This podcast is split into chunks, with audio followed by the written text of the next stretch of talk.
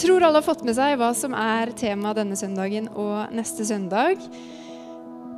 Denne uken som akkurat vi har lagt bak oss, da hadde alle grunnskolene i Oslo et tema som het Uke seks. Så vi tenkte vi kunne ikke være noe dårligere, så vi har to uker. Nei da, ikke med seks, da. Så, og temaet er Gud, identitet og sex. Og denne søndagen så ligger hovedpunktet på det som handler om identitet. Mens neste søndag så handler det mest om seksualitet. Men de to temaene henger utrolig nøye sammen. Og det håper jeg at vi skal forstå litt mer av etter hvert. Jeg har bare lyst til å starte med å anerkjenne at for kanskje ganske mange av oss så kreve, krevdes det ganske mye mot å møte opp her i dag. Vi veit jo alle sammen at de temaene vi skal berøre, de er litt sånn stridstemaer, både teologisk og kulturelt. Og politisk også så er det litt stridstemaer. Men det aller viktigste å få sagt, det er at det berører oss på dypet som enkeltmennesker. Og derfor så vil jeg bare anerkjenne at vi er på ganske sensitiv grunn. Og bak hvert ansikt som sitter her inne, så vet vi at det lever en blanding av frykt, nysgjerrighet, håp, kanskje. Kanskje det også er litt angst innenfor det temaet som vi skal ta opp. Jeg vil bare at du skal vite at vi veit det. At det er sånn. Jeg kjenner litt på det sjøl òg. Vi veit det, og vi er innmari glad i dere. Kan du bare få si det sånn? Jeg veit ikke akkurat hvordan ditt liv ser ut, eller hvordan det er å være i din situasjon. Men la det bare være sagt at dette fellesskapet det er et trygt sted. Vi ønsker at det skal være et trygt sted der du kan komme med hele deg. Med din historie, med ditt liv, og kjenne at vi vil kjenne deg, vi vil ære deg, vi vil ære historien din, og samtidig peke på Guds gode plan med livet vårt. Er det greit? Ja. Og så har jeg også lyst til å presisere én ting. For det kan hende at mye av det du hører de neste to søndagene nå, kommer til å være ganske motkulturelt og også litt kulturkritisk.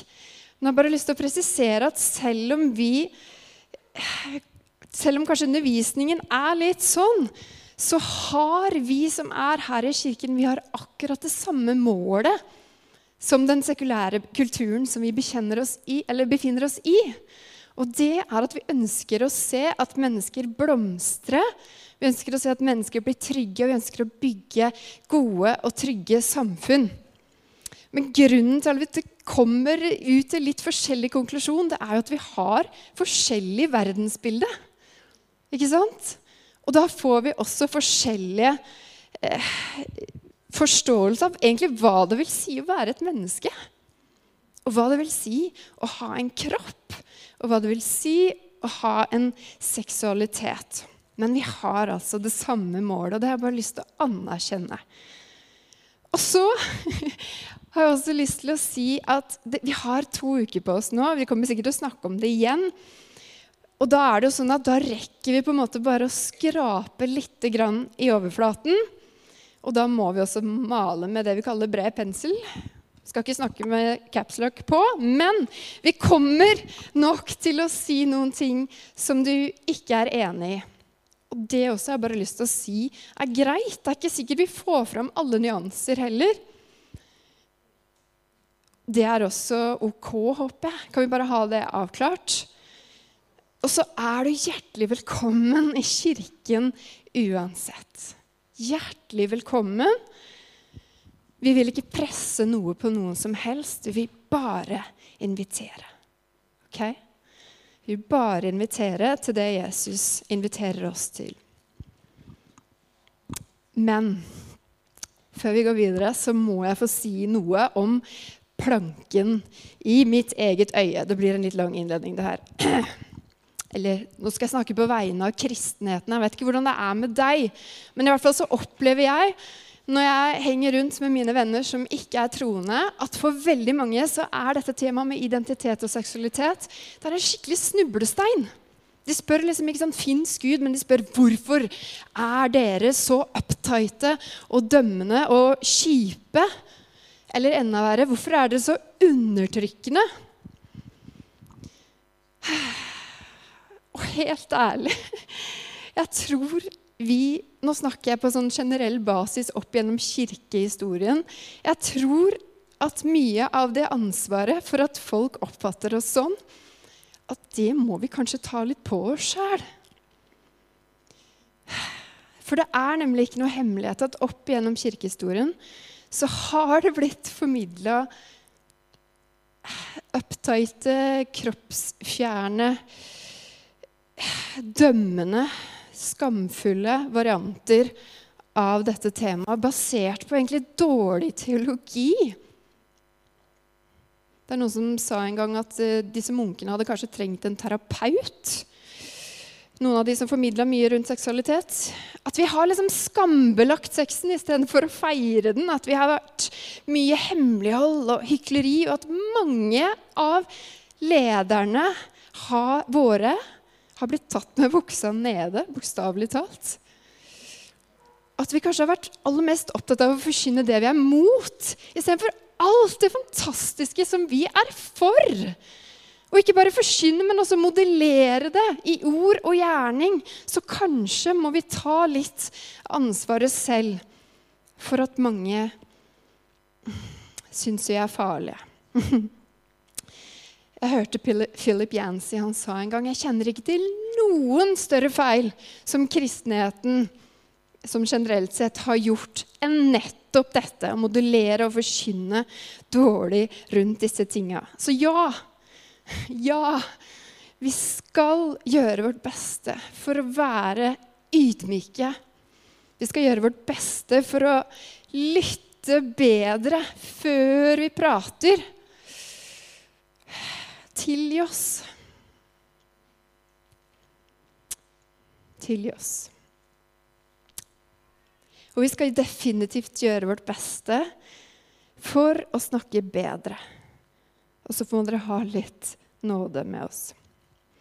Men når det er sagt, og jeg hadde behov for å si det, så kan også den viljen som, som jeg viser nå, da, til en sånn type selvkorreksjon, det kan også gå litt langt. Det, til det punktet der vi liksom mister frimodigheten på at vi egentlig har sjukt gode ting å melde. Eller at vi bare liksom deler opp eh, Bibelen i en sånne salamibiter. At vi bare mister tilliten, tar ut de bitene vi vil ha, og mister tilliten til at Bibelen er Guds ord, og at det er gode nyheter for oss. Så Derfor så er det rett og slett vår bønn, vi som er i lederteam og i lederskapet her, at disse to ukene så skal vi få, få se litt mer av hvor utrolig vakker og attraktiv Jesus sin visjon for identitet, for hvem vi er, for kroppene våre og for seksualiteten vår. At vi skal se det på nytt, og, og kanskje for første gang. Og ja, det er en vei som kan innebære elementer av savn, det kan innebære elementer av smerte.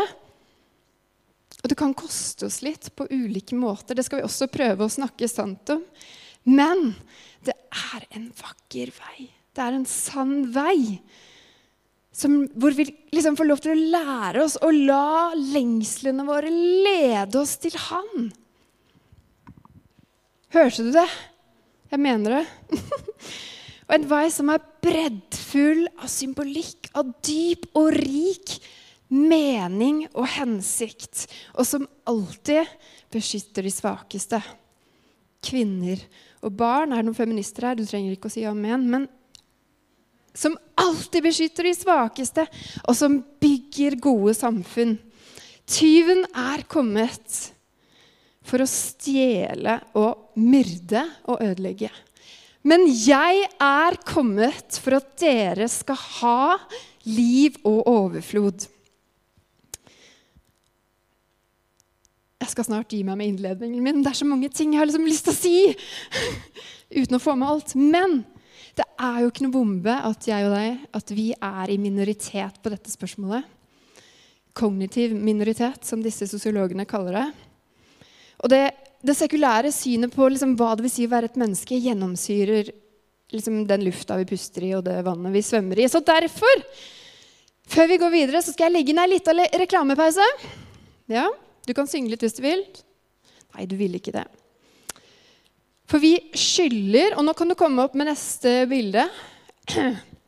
For vi skylder oss sjøl, kollegaene våre og de som vi møter i hverdagen vår, å forstå på et dypere plan hva Bibelen lærer om disse tingene, og hvorfor Bibelen lærer som den gjør. Og ikke bare komme med sånne lettbeinte svar på veldig vanskelige spørsmål.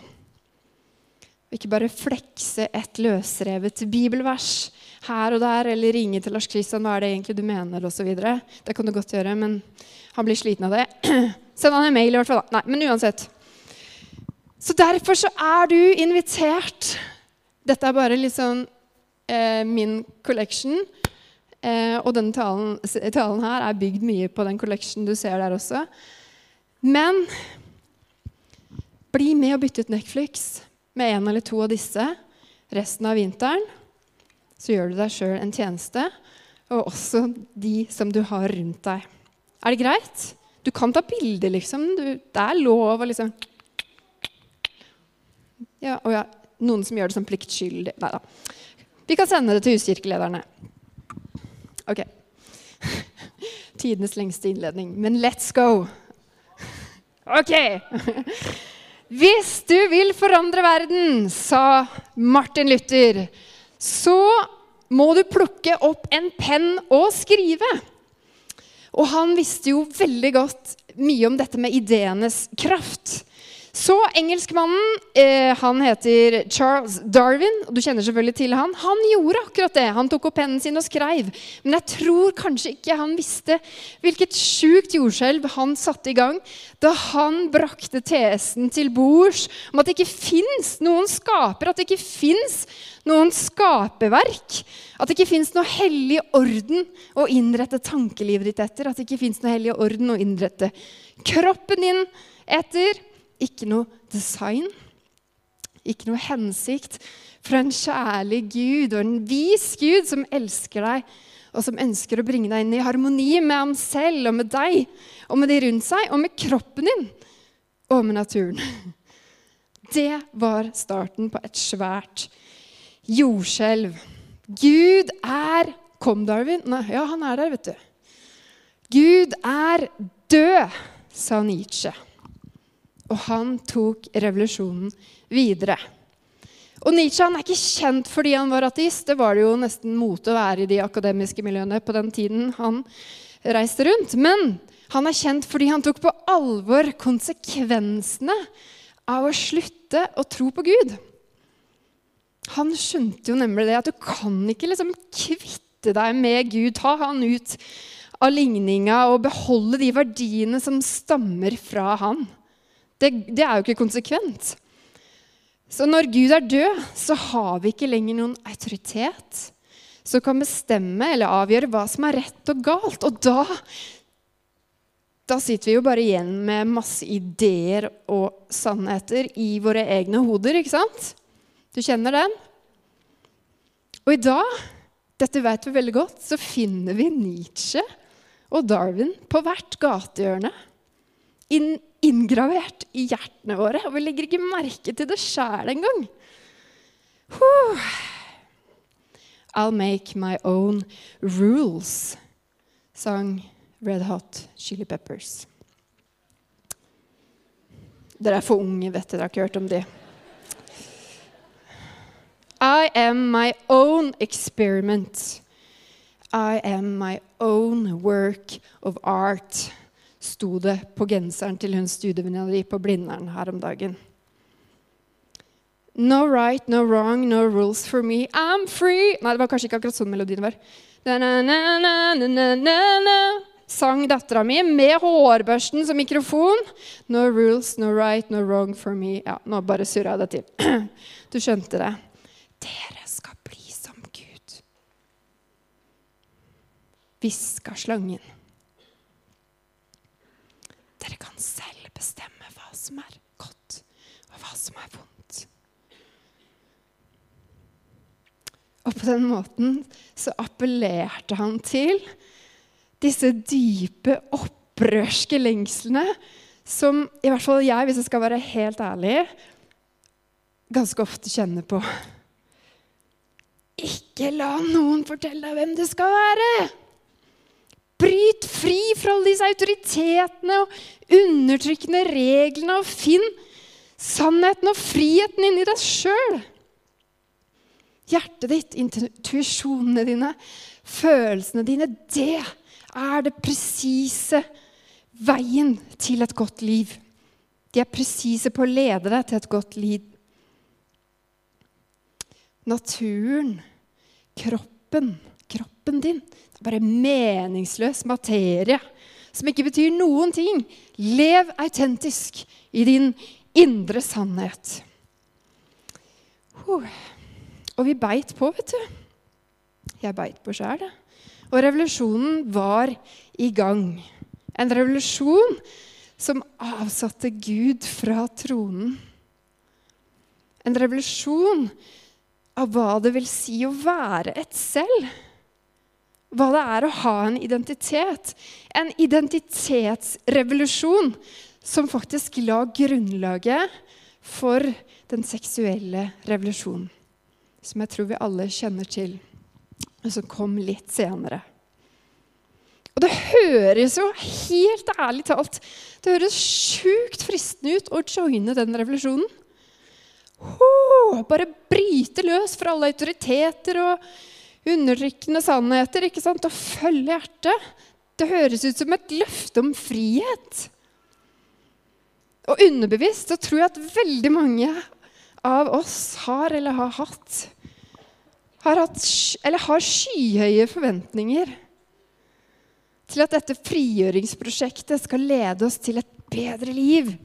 Men mer robust, mer grunnfesta identitet.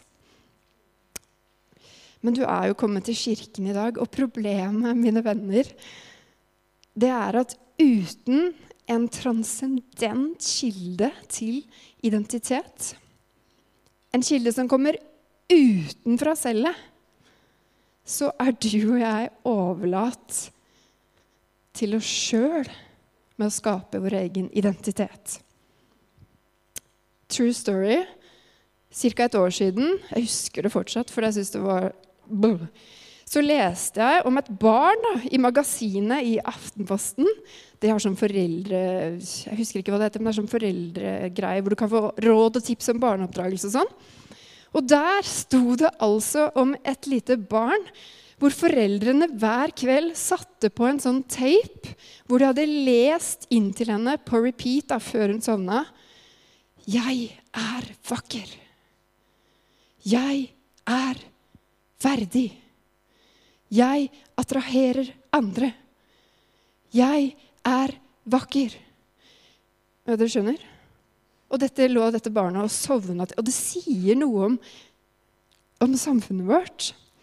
For den ubehagelige sannheten, da, folkens, det er at i et univers uten en gud, så er jeg og du bare resultatet av en kosmisk ulykke. Og det er seriøst, det er seriøst ingen som bryr seg. Og det eneste vi sitter igjen med da, det er vår egen propaganda. Kall en spade en spade. Og det er rett og slett en ganske hjerteskjærende historie. Så mange Nå ble jeg veldig streng. Jeg mente ikke å være streng. Det er, det er en hjerteskjærende historie. Mm.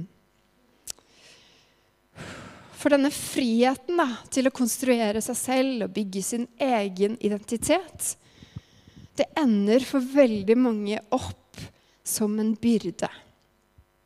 For hvem er jeg egentlig når jeg ikke kommer i mål med masteren min? Når jeg ikke får likes på bildene som jeg poster, eller når celluittene begynner å komme og jeg mister sommerkroppen min?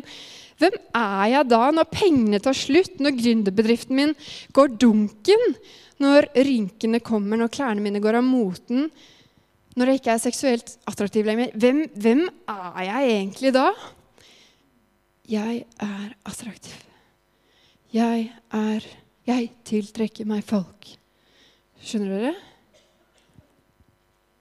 En gang på 90-tallet så satt jeg på senga mi i det okergule tenåringsrommet mitt. Det var jo veldig inn med okergult og bonderødt og sånn på den tiden. Men det forstår ikke dere, for dere er for unge. Eh, det var kaos da, i hodet mitt. Kjente at tårene pressa på. Det var forvirring.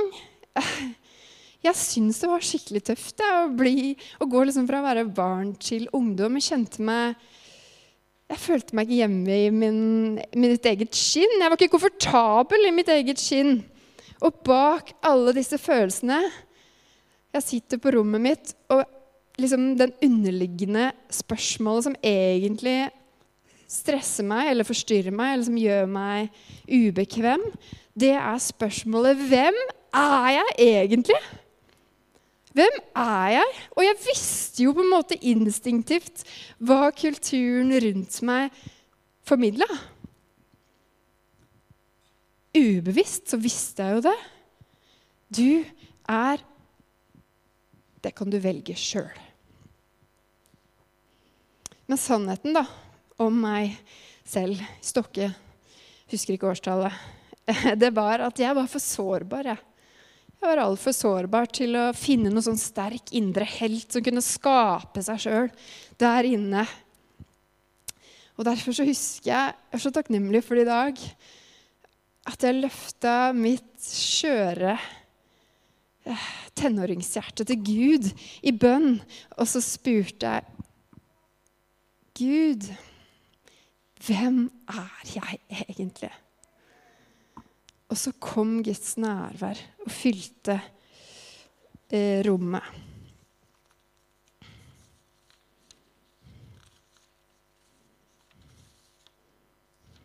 Jeg husker det faktisk sånn som det var i går. Det er litt rart, for det var liksom en sånn liten ting, men den ble så sjukt definerende. Fordi når Gud hviska det som ble et skikkelig sånn Til mitt definerende svar til et motsetningsfullt, komplekst, lettpåvirkelig, sårbart hjerte. Du er den jeg elsker. Så enkelt og så loada med mening. Og underforstått du skal få slippe å bære vekten av å konstruere din egen identitet. Du skal få slippe det. Du skal få slippe å være din egen skaper. Du defineres av å være i relasjon med meg, skaperen, og den relasjonen er fundamentert i kjærlighet. Det er den du er. Og Bibelen er full av metaforer som beskriver og kommuniserer vår identitet i Jesus Kristus og som har kraft til å redefinere disse konseptene som vi har om oss selv. Men min favorittmetafor, kan hende er din også, det er at Gud er far. Og vi er barn. Se hvor stor kjærlighet ja. Se hvor stor kjærlighet Faderen har vist oss. Vi får kalles Guds barn, og vi er det. Det kommer et Ja. Og det er et konsept som er breddfullt av mening, og som har kraft til å endre måten vi tenker om oss sjøl på, og måten vi føler om oss sjøl på. Vi er hans elskede barn. Så kjære medløpere på tredemølla, den endeløse, nådeløse trødemølla av selvkonstruksjon Kjære deg, alle dere perfeksjonister, og jeg inkluderer meg selv, alle dere strebere, alle dere klatrere, alle dere sammenlignere Jeg vet ikke om det er et ord. Åpne hjertet ditt for Han.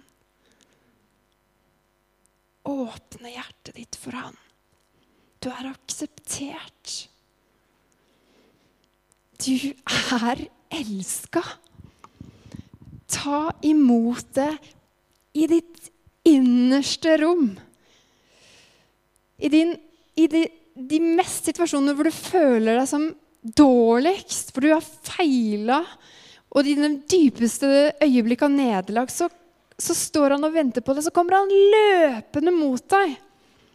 Alt mitt er ditt. Du er den han elsker. Det er sannheten om deg. Så kjære medstrebere, åpne hjertet ditt. Who am I? They mock me, these lonely questions of mine. Whoever I am, thou know, O God, I am thine. Klarer ikke å si det like fint som Bonhoffer, men det er sant. Det er sannheten om deg. Dere, vi eh,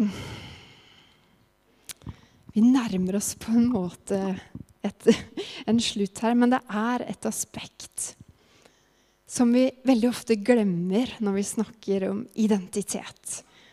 Som, som, vi må ta med. For i kristen tenkning i Bibelen så er det ikke sånn at du og jeg bare er en sjel som blir båret rundt av en ellers meningsløs kropp eller meningsløs maskin, for å bruke Darwin sine uttrykk. Også kroppen vår er en integrert del av hvem vi er.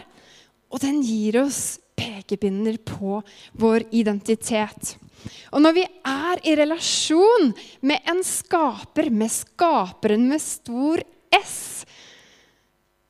så minner det oss på det helt grunnleggende premisset at vi er skapninger.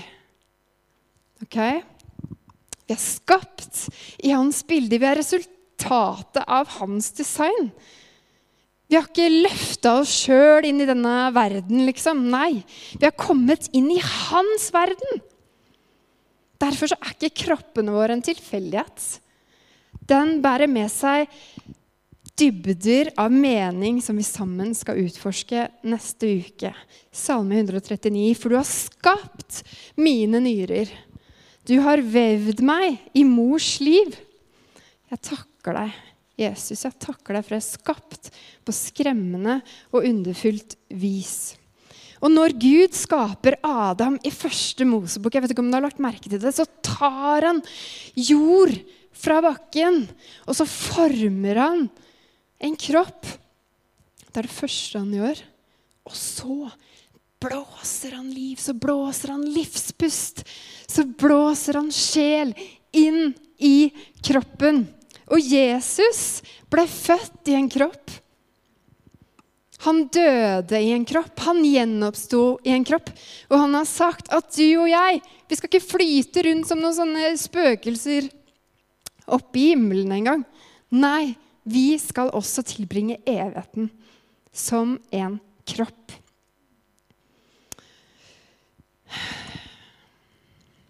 Hvis ikke det validerer kroppen vår, personligheten vår, personen vår, hele oss, så veit jeg faktisk ikke hva som kan gjøre susen. Og det fins en frihet i å lære å ta imot kroppen vår som en veiviser til identitet. Som skapning, skapt av en skaper, og som mann og som kvinne. Men så er det også sånn at på denne siden av evigheten hvor Guds rike allerede har kommet, men ennå ikke har kommet helt fullstendig, så er realiteten at mange av oss, kanskje de fleste av oss i ulik grad, vi strever med konflikt, dissonans, fremmedgjøring i kroppene våre. Og da er det jo litt fristende å gå på mølla og begynne å liksom finne opp seg selv eller redesigne seg sjøl. Det høres jo ut som et løfte om frihet, ikke sant? Men Bibelen Bibelen leder oss ikke dit. Guds ord leder oss til Jesu brutte kropp. Gud sendte sin sønn for alle våre brutte bilder. Og ved adopsjon så blir vi hans sønner, så blir vi hans døtre. Og han kaller oss til å lære på nytt og på nytt og på nytt å være hans skapning og i større grad på nytt og på nytt leve i større harmoni og i en sånn integrert helhet etter hans design. Og helt personlig en av de tingene som jeg stadig må omvende meg fra, det er alle de gangene jeg ser ned på eller nedgraderer Guds skaperverk. Det designet som jeg finner helt fysisk i min egen kropp. En gang så leste jeg at 80% av kvinner kan identifisere seg med det. Kanskje det er noe i nærheten for gutta òg, jeg vet ikke. Men Herre, tilgi oss for at vi avviser og ikke tar imot Jeg ber det jo jeg for om, da. Tilgi meg for at jeg ikke tar imot ditt skaperverk. For at jeg avviser det. Og jeg aner ikke hva du går igjennom. Jeg har veldig stor respekt for at det fins 600 ulike, kanskje, kanskje mer, fortellinger i dette rommet. Og det er ikke lett å lære å være en skapning. Det er ikke lett å leve i harmoni med skaperens design. Men det er den friheten vi kalles til. til harmoni og integrasjon og helhet. Men det fins altså Og det fins et helt bøttelass med nåde. Det fins en svær konteiner med medfølelse for alle oss som på ulike måter strever med å ta imot identiteten som vår kropp er en pekepinn på. For vi har ikke vi har ikke en øverste prest som ikke kan ha medlidenhet med oss i vår skrøpelighet. Men vi har en som er prøvet i alt på samme måte som vi, men uten synd. Vi er i dette sammen, folkens. Vi prøver å si noe om hva Bibelen sier at vi er. Det har vi snakket om i dag. Og vi har sett hvordan disse idéstrømningene som vi har hatt her i Vesten, har fått mennesket til å egentlig avsette Gud fra tronen som kultur. Og i prosessen med å glemme Han, så har vi også glemt hva det er å være et menneske. Vi har satt optimistisk i gang med å konstruere vår egen versjon av kropp og identitet. Men foreløpig så har det heller ikke vært noen statistikk som kan bevise at den mentale helsa i vår vestlige del av verden har bedra seg siden sist. Snarere så kan det faktisk se ut som at når det gjelder psykiske helseutfordringer, så er det en økning i Vesten. Og vår egen psykiater Finn Skårderud han sier at det som det kjennetegner det moderne mennesker, det er først og fremst uro. Det er først og fremst tomhet. Så det frigjørende, de, de gode nyhetene som du kan ta med deg herfra i kveld, det er at identiteten din det er ikke noe du trenger å konstruere sjøl. Jeg er verdig. Jeg er vakker. Jeg attraherer mennesker. Jeg er verdig. Du trenger ikke. Det er noe som vi kan ta imot utenfra, fra Han som skapte oss. Og det samme gjelder kroppene våre. Og den bibelske læren er holistisk. Den setter ikke skille mellom kropp og sjel. Derfor er kroppene våre også en veiviser til hvem vi er. Og da kalles vi til å behandle kroppene våre med verdighet, omtanke, respekt. Og det gjelder også alle andre sine kropper. Og det må vi lære oss igjen og igjen. Så Bibelen har et fantastisk høyt syn på kroppen din. Den validerer kroppen din. Du er kropp. mm. Og neste uke så skal vi utforske enda mer av hvor meningsfulle kroppene våre er, og hva de kommuniserer om hvem Gud er. For de kommuniserer masse, det er bare at vi har glemt det. For vi har liksom svømt så lenge i dette sekulære synet hvor det ikke fins en gud. Så vi ser det liksom ikke helt lenger. Og hva, hva kroppene våre også forteller om Guds gode design for seksualiteten vår, og hvordan seksualiteten vår faktisk kan lede oss til Gud. Så må jeg bare si at det temaet som vi snakker om nå, det Ideelt sett så hadde vi lagt til rette for masse dialog, og liksom at ikke det bare var jeg som sto her og pratet, men at du kunne fortelle, og at du kunne komme med din historie, at du kunne stille dine spørsmål. Derfor så har jeg lyst til å minne deg på at huskirkene er klare for å dykke inn i dette temaet. Og så vil jeg minne deg på at du vil jo få en sånn klassisk kristen undervisning på det her i denne kirka. Men du er velkommen på reisen uansett hvor hen du befinner deg. Og så minner jeg om at huskirkelederne våre de er også behjelpelige til å sette deg i kontakt med Elise Deila og samtalesenteret vårt, hvis du trenger det. Ok, det er, det er, kanskje en del ting som har blitt rørt opp i dag. Kanskje noen ting du syns er litt abstrakt, noen ting du har litt vanskelig å forstå. Men vi er på en reise, alle mann, alle mann av å utforske dybdene i hva det vil si å være et menneske. Og det er sjukt spennende. Kanskje kjenner du at noen vonde ting har blitt rørt opp. Kanskje er du utslitt, eller kjenner du deg sliten av å løpe på en sånn tredemølle av selvkonstruksjon. Kanskje kjenner du bare 'jeg orker ikke mer'. Kanskje kjenner du når du kikker inn i deg selv 'shit, jeg er sårbar'. Sånn som jeg ofte kjenner det.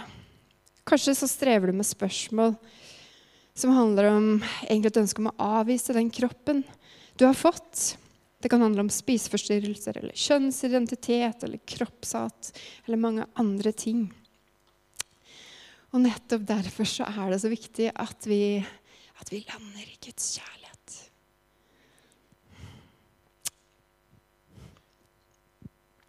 For han elsker oss. Han er ikke en partypooper. Han vil lede oss til frihet. Han er her for å elske deg akkurat nå. Kan vi ikke bare ta noen minutter og så bare tillater vi murene å falle. I hvert fall hvis du kjenner deg trygg til det. Og så lar vi han elske oss. Ta et dypt eh, åndedrett. Og så er Gud her med sine sterke faderarmer. Og så kan du få lov til å feste blikket ditt på han. Ta imot en, eh, en omfavnelse. Og så kan du få lov til å spørre han, hvis du vil, det samme spørsmålet som jeg som usikker tenåring på mitt okergule rom stilte han. Hvis du vil. Pappa, hvem er jeg?